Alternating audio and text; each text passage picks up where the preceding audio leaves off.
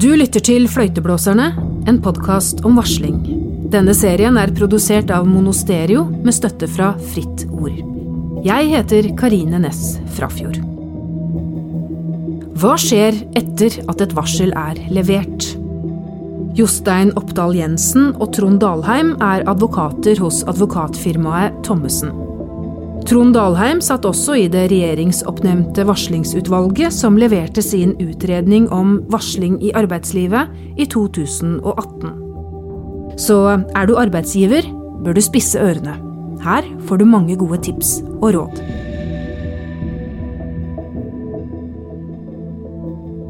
Jeg tenker kanskje det er naturlig å starte litt med uh, hva som skjer når man mottar et varsel som, uh, som arbeidsgiver.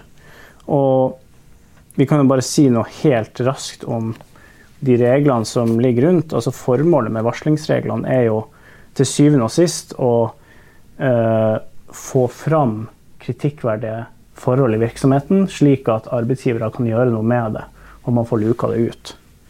Og For å nå det målet så har jo varslingsreglene ulike virkemidler som skal skape et bedre ytringsklima i virksomheten og legge til rette for reell ytringsfrihet for arbeidstakerne. Og Det er jo disse virkemidlene som blir iverksatt når man leverer et varsel. Eh, og Det første virkemidlet er jo varslervernet, altså eh, forbudet mot gjengjeldelse og retten til å være sikra et fullt forsvarlig arbeidsmiljø for den som varsler. Og det andre virkemidlet er arbeidsgivers aktivitets- og undersøkelsesplikt. Da plikten til å undersøke dette varselet tilstrekkelig grundig. Ja, og det ser vi jo en del ganger at det, er et spørsmål. ikke sant? Er det et varsel i det hele tatt? For det er jo en lav terskel. Eh, og, det er jo det første spørsmålet som ofte oppstår. Altså Blir det i det hele tatt behandlet som et varsel? Det kan skje i ganske mange tilfeller som vi kommer borti. At det kommer bekymringer, det kommer eh, påstander og så har man ikke alltid nok bevissthet rundt er det en varsling som kommer nå. Mm. Det er klart I de store alvorlige så er det jo ikke vanskelig å skjønne at nå varsles det. Men i veldig mye av det som skjer rundt i norske virksomheter, så kommer det jo eh, bekymringsmeldinger og påstander eh, løpende. Og det er et spørsmål. Tar man det på alvor eh, som et varsel? Men hvis det ikke skjer, er det da et brudd på arbeidsmiljøloven? Hvis, ikke, hvis man ikke undersøker som arbeidsgiver når man får en bekymringsmelding eller et, en rapport om kritikkverdige forhold?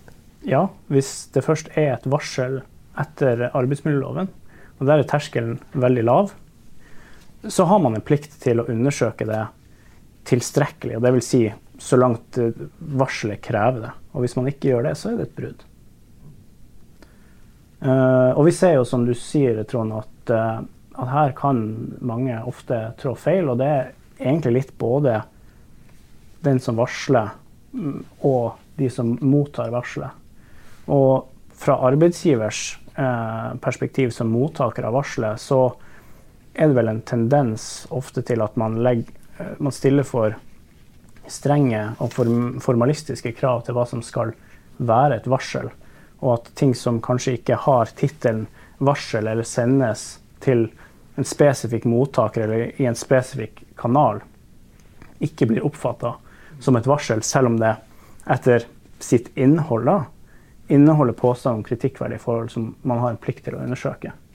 Um, så det, det, er jo én fallgruve der. Ja, en, en, annen ting som er knytta til det, er jo at det er jo mange arbeidstakere også som ikke ønsker den merkelappen varsler. Eh, fordi det er Det kan være stigmatiserende. Det, det, er mange som ikke ønsker å bli satt i den båsen. De sier at eh, jeg, bare, jeg vil bare si fra om noe, så dere kan rette på det. Men har ikke lyst til å bli kalt varsler. Og, det, liksom, på begge sider der så er det nok eh, et element av at en god del varslinger går under radaren. Ehm, og varslingsutvalget var jo veldig opptatt av det. Løs sakene på lavest mulig nivå. Uten, uh, uten, å sette i gang store prosesser nødvendigvis. Ta det på lavest mulig nivå. Det er jo det som er målsettingen på mange måter. Ja. Og det kan jo være flere grunner til at uh, man trår litt feil. mm, Både fra varslersiden og arbeidsgiversiden. Og det første er jo kanskje at man ikke har nok kunnskap om hva som egentlig ligger i disse varslingsreglene. Og særlig da hvor lav terskelen egentlig er for at man er inne i de reglene. Men også kan det jo ha med at det å, gjen, å si, undersøke et varsel og stå i en varslingssak, er jo veldig krevende. Det er veldig krevende for varsler, det er veldig krevende for arbeidsgiver, og da tenker jeg særlig på den personen som faktisk representerer arbeidsgiver og sitter der og må håndtere det, og kanskje sitte tett på saken og personene det gjelder. Eh, Det kan være ganske tøft å, å sette merkelappen varslingssak og, og rulle i gang det. Så det kan jo være en grunn til at man vegrer seg for å, for å gå inn i det sporet, da, fordi det er, det er krevende. Ja, mange, og det kan ofte være ganske opprivende, for mange varslingssaker på arbeidsplassene dreier seg jo typisk om de mellommenneskelige relasjonene. Det kan være påstander om trakassering, seksuell trakassering. Det griper jo inn i konflikter mellom ansatte på arbeidsplassen. Og det der eh, kan bli ganske betent og gjøre at det er ja, krevende å, å gå inn i det. Da, og kreve mye av den som krever mye av den som skal undersøke det, det krever mye av den som har varslet om det, men det, det er jo åpenbart også store konsekvenser for den som får et sånt varsel rettet mot seg. Alvorlige påstander. eh, som arbeidstakeren, eh, eller omvarselet da, i et sånt tilfelle får. Men Kan det være for krevende for en arbeidsgiver å gå inn i dette på et lavest mulig nivå? For da må man jo faktisk eh, gjøre et eh, godt stykke arbeid. Ja, ehm, det kan du si. Eh, tanken med det er vel at man i noen tilfeller i alle fall ikke skal måtte må si, gjøre undersøkelsen mer omfattende og gjøre saken mer alvorlig enn det den er. Og i noen tilfeller så er det jo eh, ikke nødvendig å igangsette en stor undersøkelse. Det kan være fordi at varselet er rett og slett uholdbart. Eh, at det ikke er et varsel i lovens forstand, fordi det dreier seg om, om eh, varslerens eget arbeidsforhold og, og, og, og sånne ting, sånn at man kan legge saken død. Eller, eller det kan være at de forholdene det varsles om, ikke krever så mye undersøkelse for å, eh, hva må jeg si, undersøke tilstrekkelig da, og, og kartlegge. Um, så det er vel det som ligger i at man skal forsøke å løse dette på lavest mulig nivå. Og Samtidig så er det jo det som du er inne på, at eh, hvis, hvis man først skal gå inn i det, da, eh, og det har jo vi vært borti en del ganger, så må man, må man eh, tåle å stå i det litt. Da må man tåle at det, at det er eh, at det, at det kan bli litt konflikt rundt det. At det er eh, ubehagelig å gå inn i de, den typen saker. Det tror jeg man må, eh, må tåle hvis man først skal undersøke det. Men så ser vi samtidig en økning i antall faktaundersøkelser.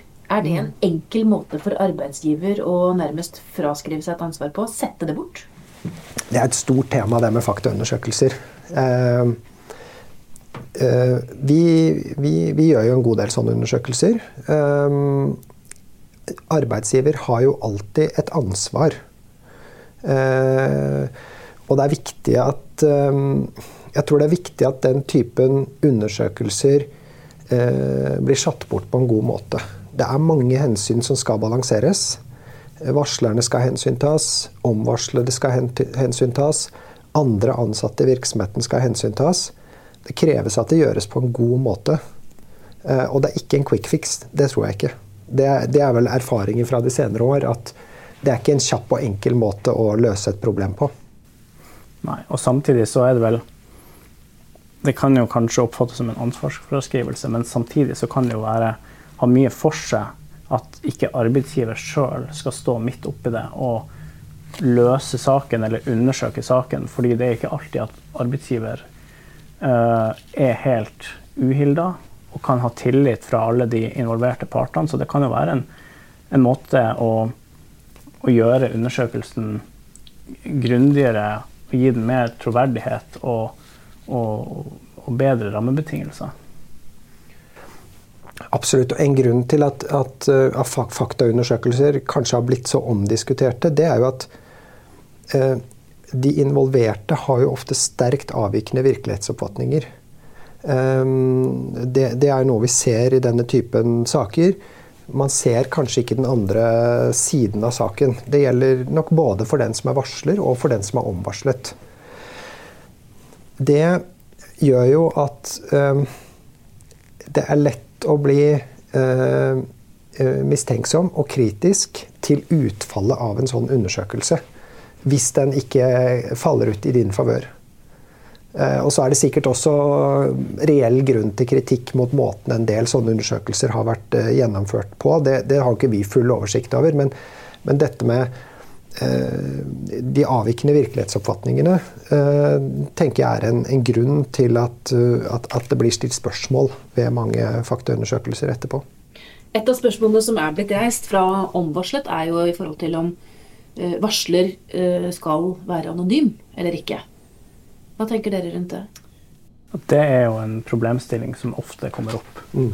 Og fra varslersiden så er det jo ofte et ønske om å bli skjerma og være anonym. Uh, og ikke måtte stå i den belastninga det er å, bli navngitt. Og på den andre siden så har du den helt grunnleggende retten til kontradiksjon uh, for uh, den omvarslede, som gjerne tilsier at man ikke skal bli møtt med anonymiserte påstander som, som man ikke kan ordentlig imøtegå. Um, ja, og der, der, har du jo, har du jo eh, veldig mange saker hvor nettopp det at du ikke får vite hvem som har kommet med anklagene, gjør det oppleves å være helt umulig å forsvare seg mot dem.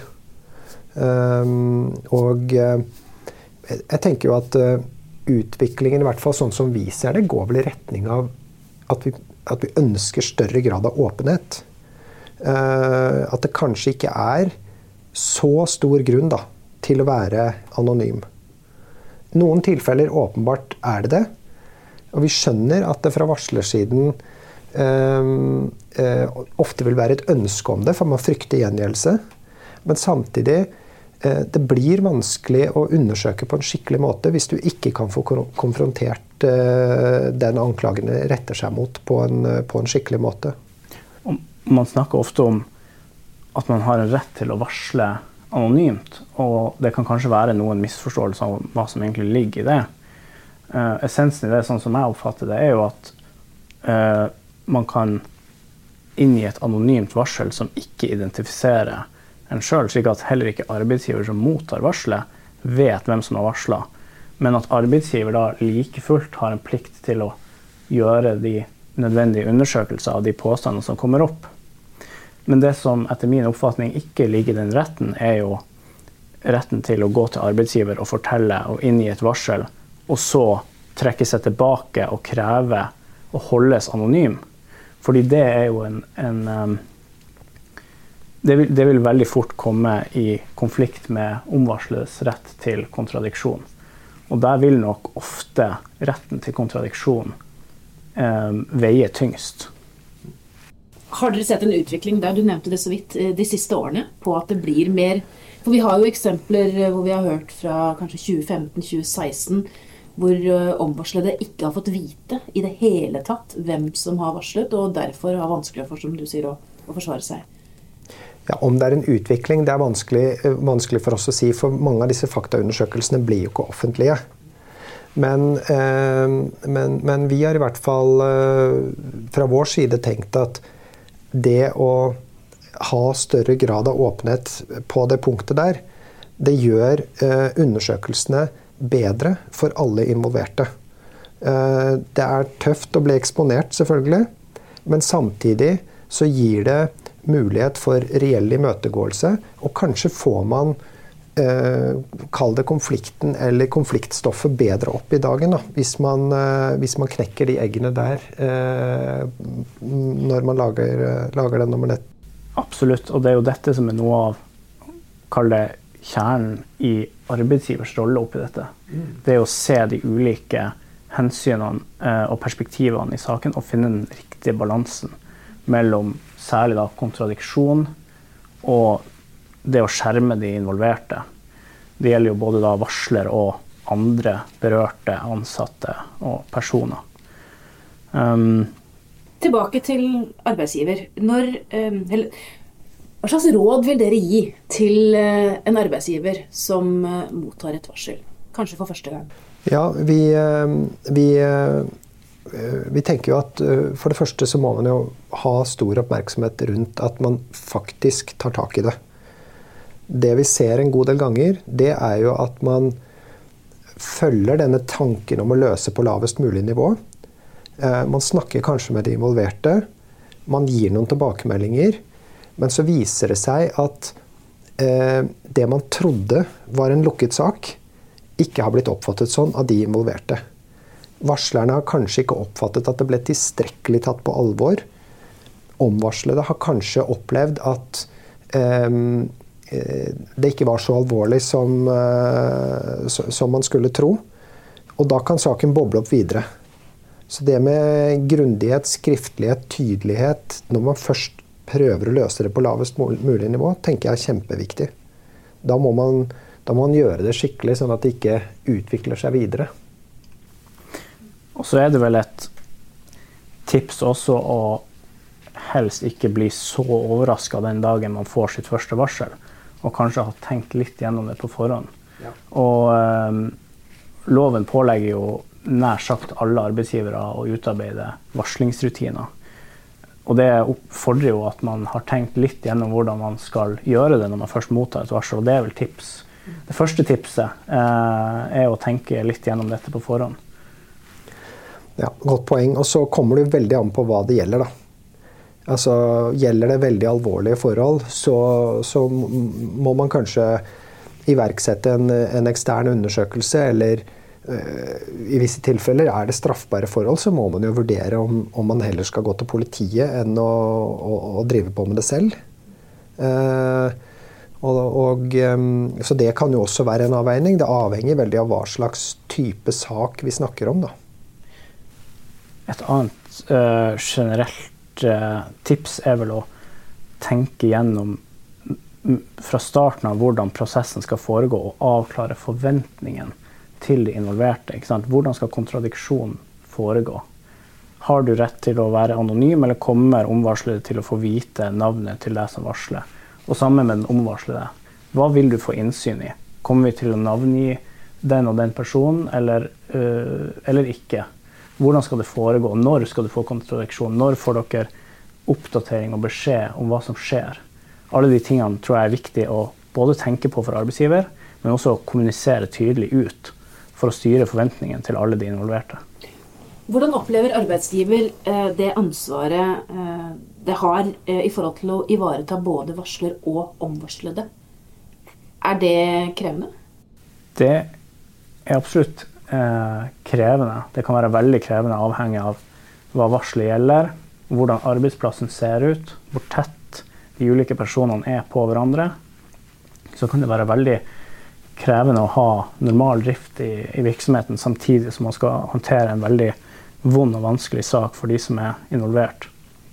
Uh, fra mitt perspektiv så vil jeg kanskje slå et slag da, for bevissthet rundt den belastninga det innebærer å være omvarsla. Det uh, uavhengig av om man er om si, skyldig i hermetegn eller ikke, så oppleves det som regel som et stort sjokk å få disse påstandene retta mot seg. Og, og det, er, det, er, veldig krevende å stå i en prosess som kanskje trekker ut over uker, måneder, og ikke få en avklaring på de forholdene. Så det, det bør arbeidsgivere være seg eh, bevisst. Og selvfølgelig også eh, ivareta varsler. Det, det, sier seg sjøl i, i, mitt hode, men, men også være bevisst på at en omvarslet kan også ha behov for spesiell oppfølging i den fasen. Så ser vi også en side av dette som, som, kanskje ikke er så mye. For jeg er helt enig i at det, hensynet til omvarslede er viktig. Det er ikke direkte lovfestet, men eh, det er varslervernet. Men det vi jo ser i en del saker, det er jo at eh, varslinger kommer typ i etterkant av situasjoner hvor arbeidsgiver har brukt styringsretten. Enten da i form av omorganiseringer Eh, eller i form av tilbakemeldinger på arbeidsutførelse. Eh, altså negativ eh, bruk av styringsretten. Det er ting som ofte kan trigge varslinger mot leder, f.eks. Og der er, det, er jo et, det et spenn i dette som, som kanskje ikke er så mye kommunisert, men man må jo også ta høyde for at eh, enkelte varslinger eh, nettopp kan være motivert av den typen ting. Og, og at varslingsinstituttet også har potensialet til å bli brukt, kall det taktisk, fra, eh, fra en arbeidstaker. Eh, det er jo en, en, side av reglene som, eh, som, kan være litt vanskelig i forbindelse med håndtering av et varsel. Da. For de som ikke kjenner så godt til begrepet, eh, mm. arbeidsgivers styringsrett, forklar det. Ja, Arbeidsgivers styringsrett er jo retten til å eh, gi ensidige pålegg til eh, arbeidstakeren. F.eks. Eh, iverksette en omorganisering, gå til oppsigelse, gjøre endringer i arbeidsforholdet, eh, gi instruksjoner til arbeidstakeren. Alt det som eh, arbeidsgiveren i kraft av eh, sin rolle som arbeidsgiver kan pålegge en arbeidstaker. Og som ikke vil være grunnlag for en varsling etter loven? som ikke vil være grunnlag for varsling etter loven hvis det er en saklig utøvelse av styringsretten. Men vi ser jo likevel at, at der er det et spenn da, i, i, disse reglene. Uh, at den typen utøvelse av styringsrett fra arbeidsgivers side kan utløse uh, varsling mot, mot leder som har gjennomført disse, disse beslutningene på arbeidsgivers vegne. Når det er gjennomført en, en faktaundersøkelse, eller en, en, en, undersøkelse av eh, påståtte forhold, eh, og det ligger en eh, konklusjon hva, Hvordan skal arbeidsgiver forholde seg til den? For den trenger jo ikke nødvendigvis å, å, å, ha noe juridisk over seg. Det trenger jo ikke være brudd på noen lov i en, i en konklusjon. Nettopp. Det er jo et ganske åpent spørsmål, vil jeg si, fordi det avhenger jo veldig av hva konklusjonen innebærer. Men arbeidsgiver har jo alltid en plikt til å sørge for et fullt forsvarlig arbeidsmiljø. Og hvis det er forhold som har kommet fram der, eh, så må jo arbeidsgiver ta tak i det på en egnet måte. Og det kan, det kan være juridisk, men det kan vel så mye være organisatoriske forhold, helsemessige forhold eh, osv. Eh, som man må ivareta. Eh, så det viktigste for arbeidsgiver er å sørge for at den undersøkelsen man gjør, er grundig eh, nok og god nok til at man kan legge til grunn det som kommer fram, og, og stole på den konklusjonen. Og så må man jo gjøre de tiltakene som eventuelt er nødvendige. Og så vil det jo i enkelte tilfeller kunne medføre at man må iverksette reaksjoner mot eh, de som uh, har begått overtramp. Da. Uh, og der er det jo litt viktig Det har man jo sett Eh, sett en del eksempler på i rettspraksis at eh, faktaundersøkelse har blitt underkjent av eh, domstolene. Eh, hvis de ikke har vært eh, eh, gjort på en åpen nok måte som gir arbeidsgiveren mulighet til å etterprøve om de bevisvurderingene som fakt faktaundersøkelsen har gjort, holder vann. Så det er jo en side av det også. Eh, det kan være at man som arbeidsgiver må gjøre ytterligere undersøkelser, selv om det er gjort en faktaundersøkelse. Hvis man vurderer eh, f.eks. oppsigelse, advarsel eh, eller lignende. Er det vanlig at, den, at man etter en faktaundersøkelse at saken havner videre i rettsapparatet, eller pleier den å stoppe der? Går det an å si noe generelt om det? Jeg vil si generelt så er det vel ikke så vanlig at selve faktaundersøkelsen, eller selve eller saken, da. Ja, eh, havner i retten. Men, men, det er jo gjerne de beslutningene som blir tatt på grunnlag av den faktaundersøkelsen, da typisk en eh, oppsigelse, som blir gjenstand for, eh, for, videre rettslig prøving. Da. Og da vil jo retten se på den undersøkelsen som ble gjort, om den holder vann. Mange, mange, saker, mange oppsigelsessaker har jo elementer av varslings... Eh, anførsler i seg. Um, og eh, det er vel i de sakene det oftest har kommet opp for domstolene at noen har mottatt oppsigelse, og så gjøres det gjeldende at dette er gjengjeldelse pga. varsling. Uh, men at selve faktaundersøkelsene havner i retten, det, det, er jo ikke noen eget rettslig apparat for å overprøve de. Uh, det er jo arbeidsgiver sine beslutninger som eventuelt overprøves. Fra den andre siden, da. Øh, en varsler øh, som får medhold, hvis vi kan si det sånn. har man krav på erstatning og oppreisning? Ikke i utgangspunktet for å få medhold. Eh, det kommer jo an på hvilket forhold det er snakk om. Da. Det kan jo være selve det forholdet man varsler om kan gi rett på en eller annen form for erstatning. Det, det er jo vanskelig å si, men varselet i seg sjøl gir deg ikke noe rett på erstatning eller oppreisning hvis du får rett. Det som kan være aktuelt i noen tilfeller, er jo hvis du blir utsatt for gjengjeldelse som varsler. Så er jo det et brudd mot varsleren som etter loven kan gi grunnlag for erstatning eller oppreisning. Men vår erfaring er vel at det ikke er så vanlig, og at erstatnings- og oppreisningsbeløpene i så tilfelle blir ganske beskjeden. Ja, Det er jo spesielt uh, gjengjeldelsessakene som har vært, uh, vært, i domstolene. Men det gjennomgående der har jo vært at domstolene i de tilfellene hvor det er påstått gjengjeldelse, ikke har funnet at det er bevismessig grunnlag for det. Altså, det er ikke noen årsakssammenheng. Uh, behandlingen skyldes ikke varslingen. Det har, det har vært et gjennomgangstema i domstolene.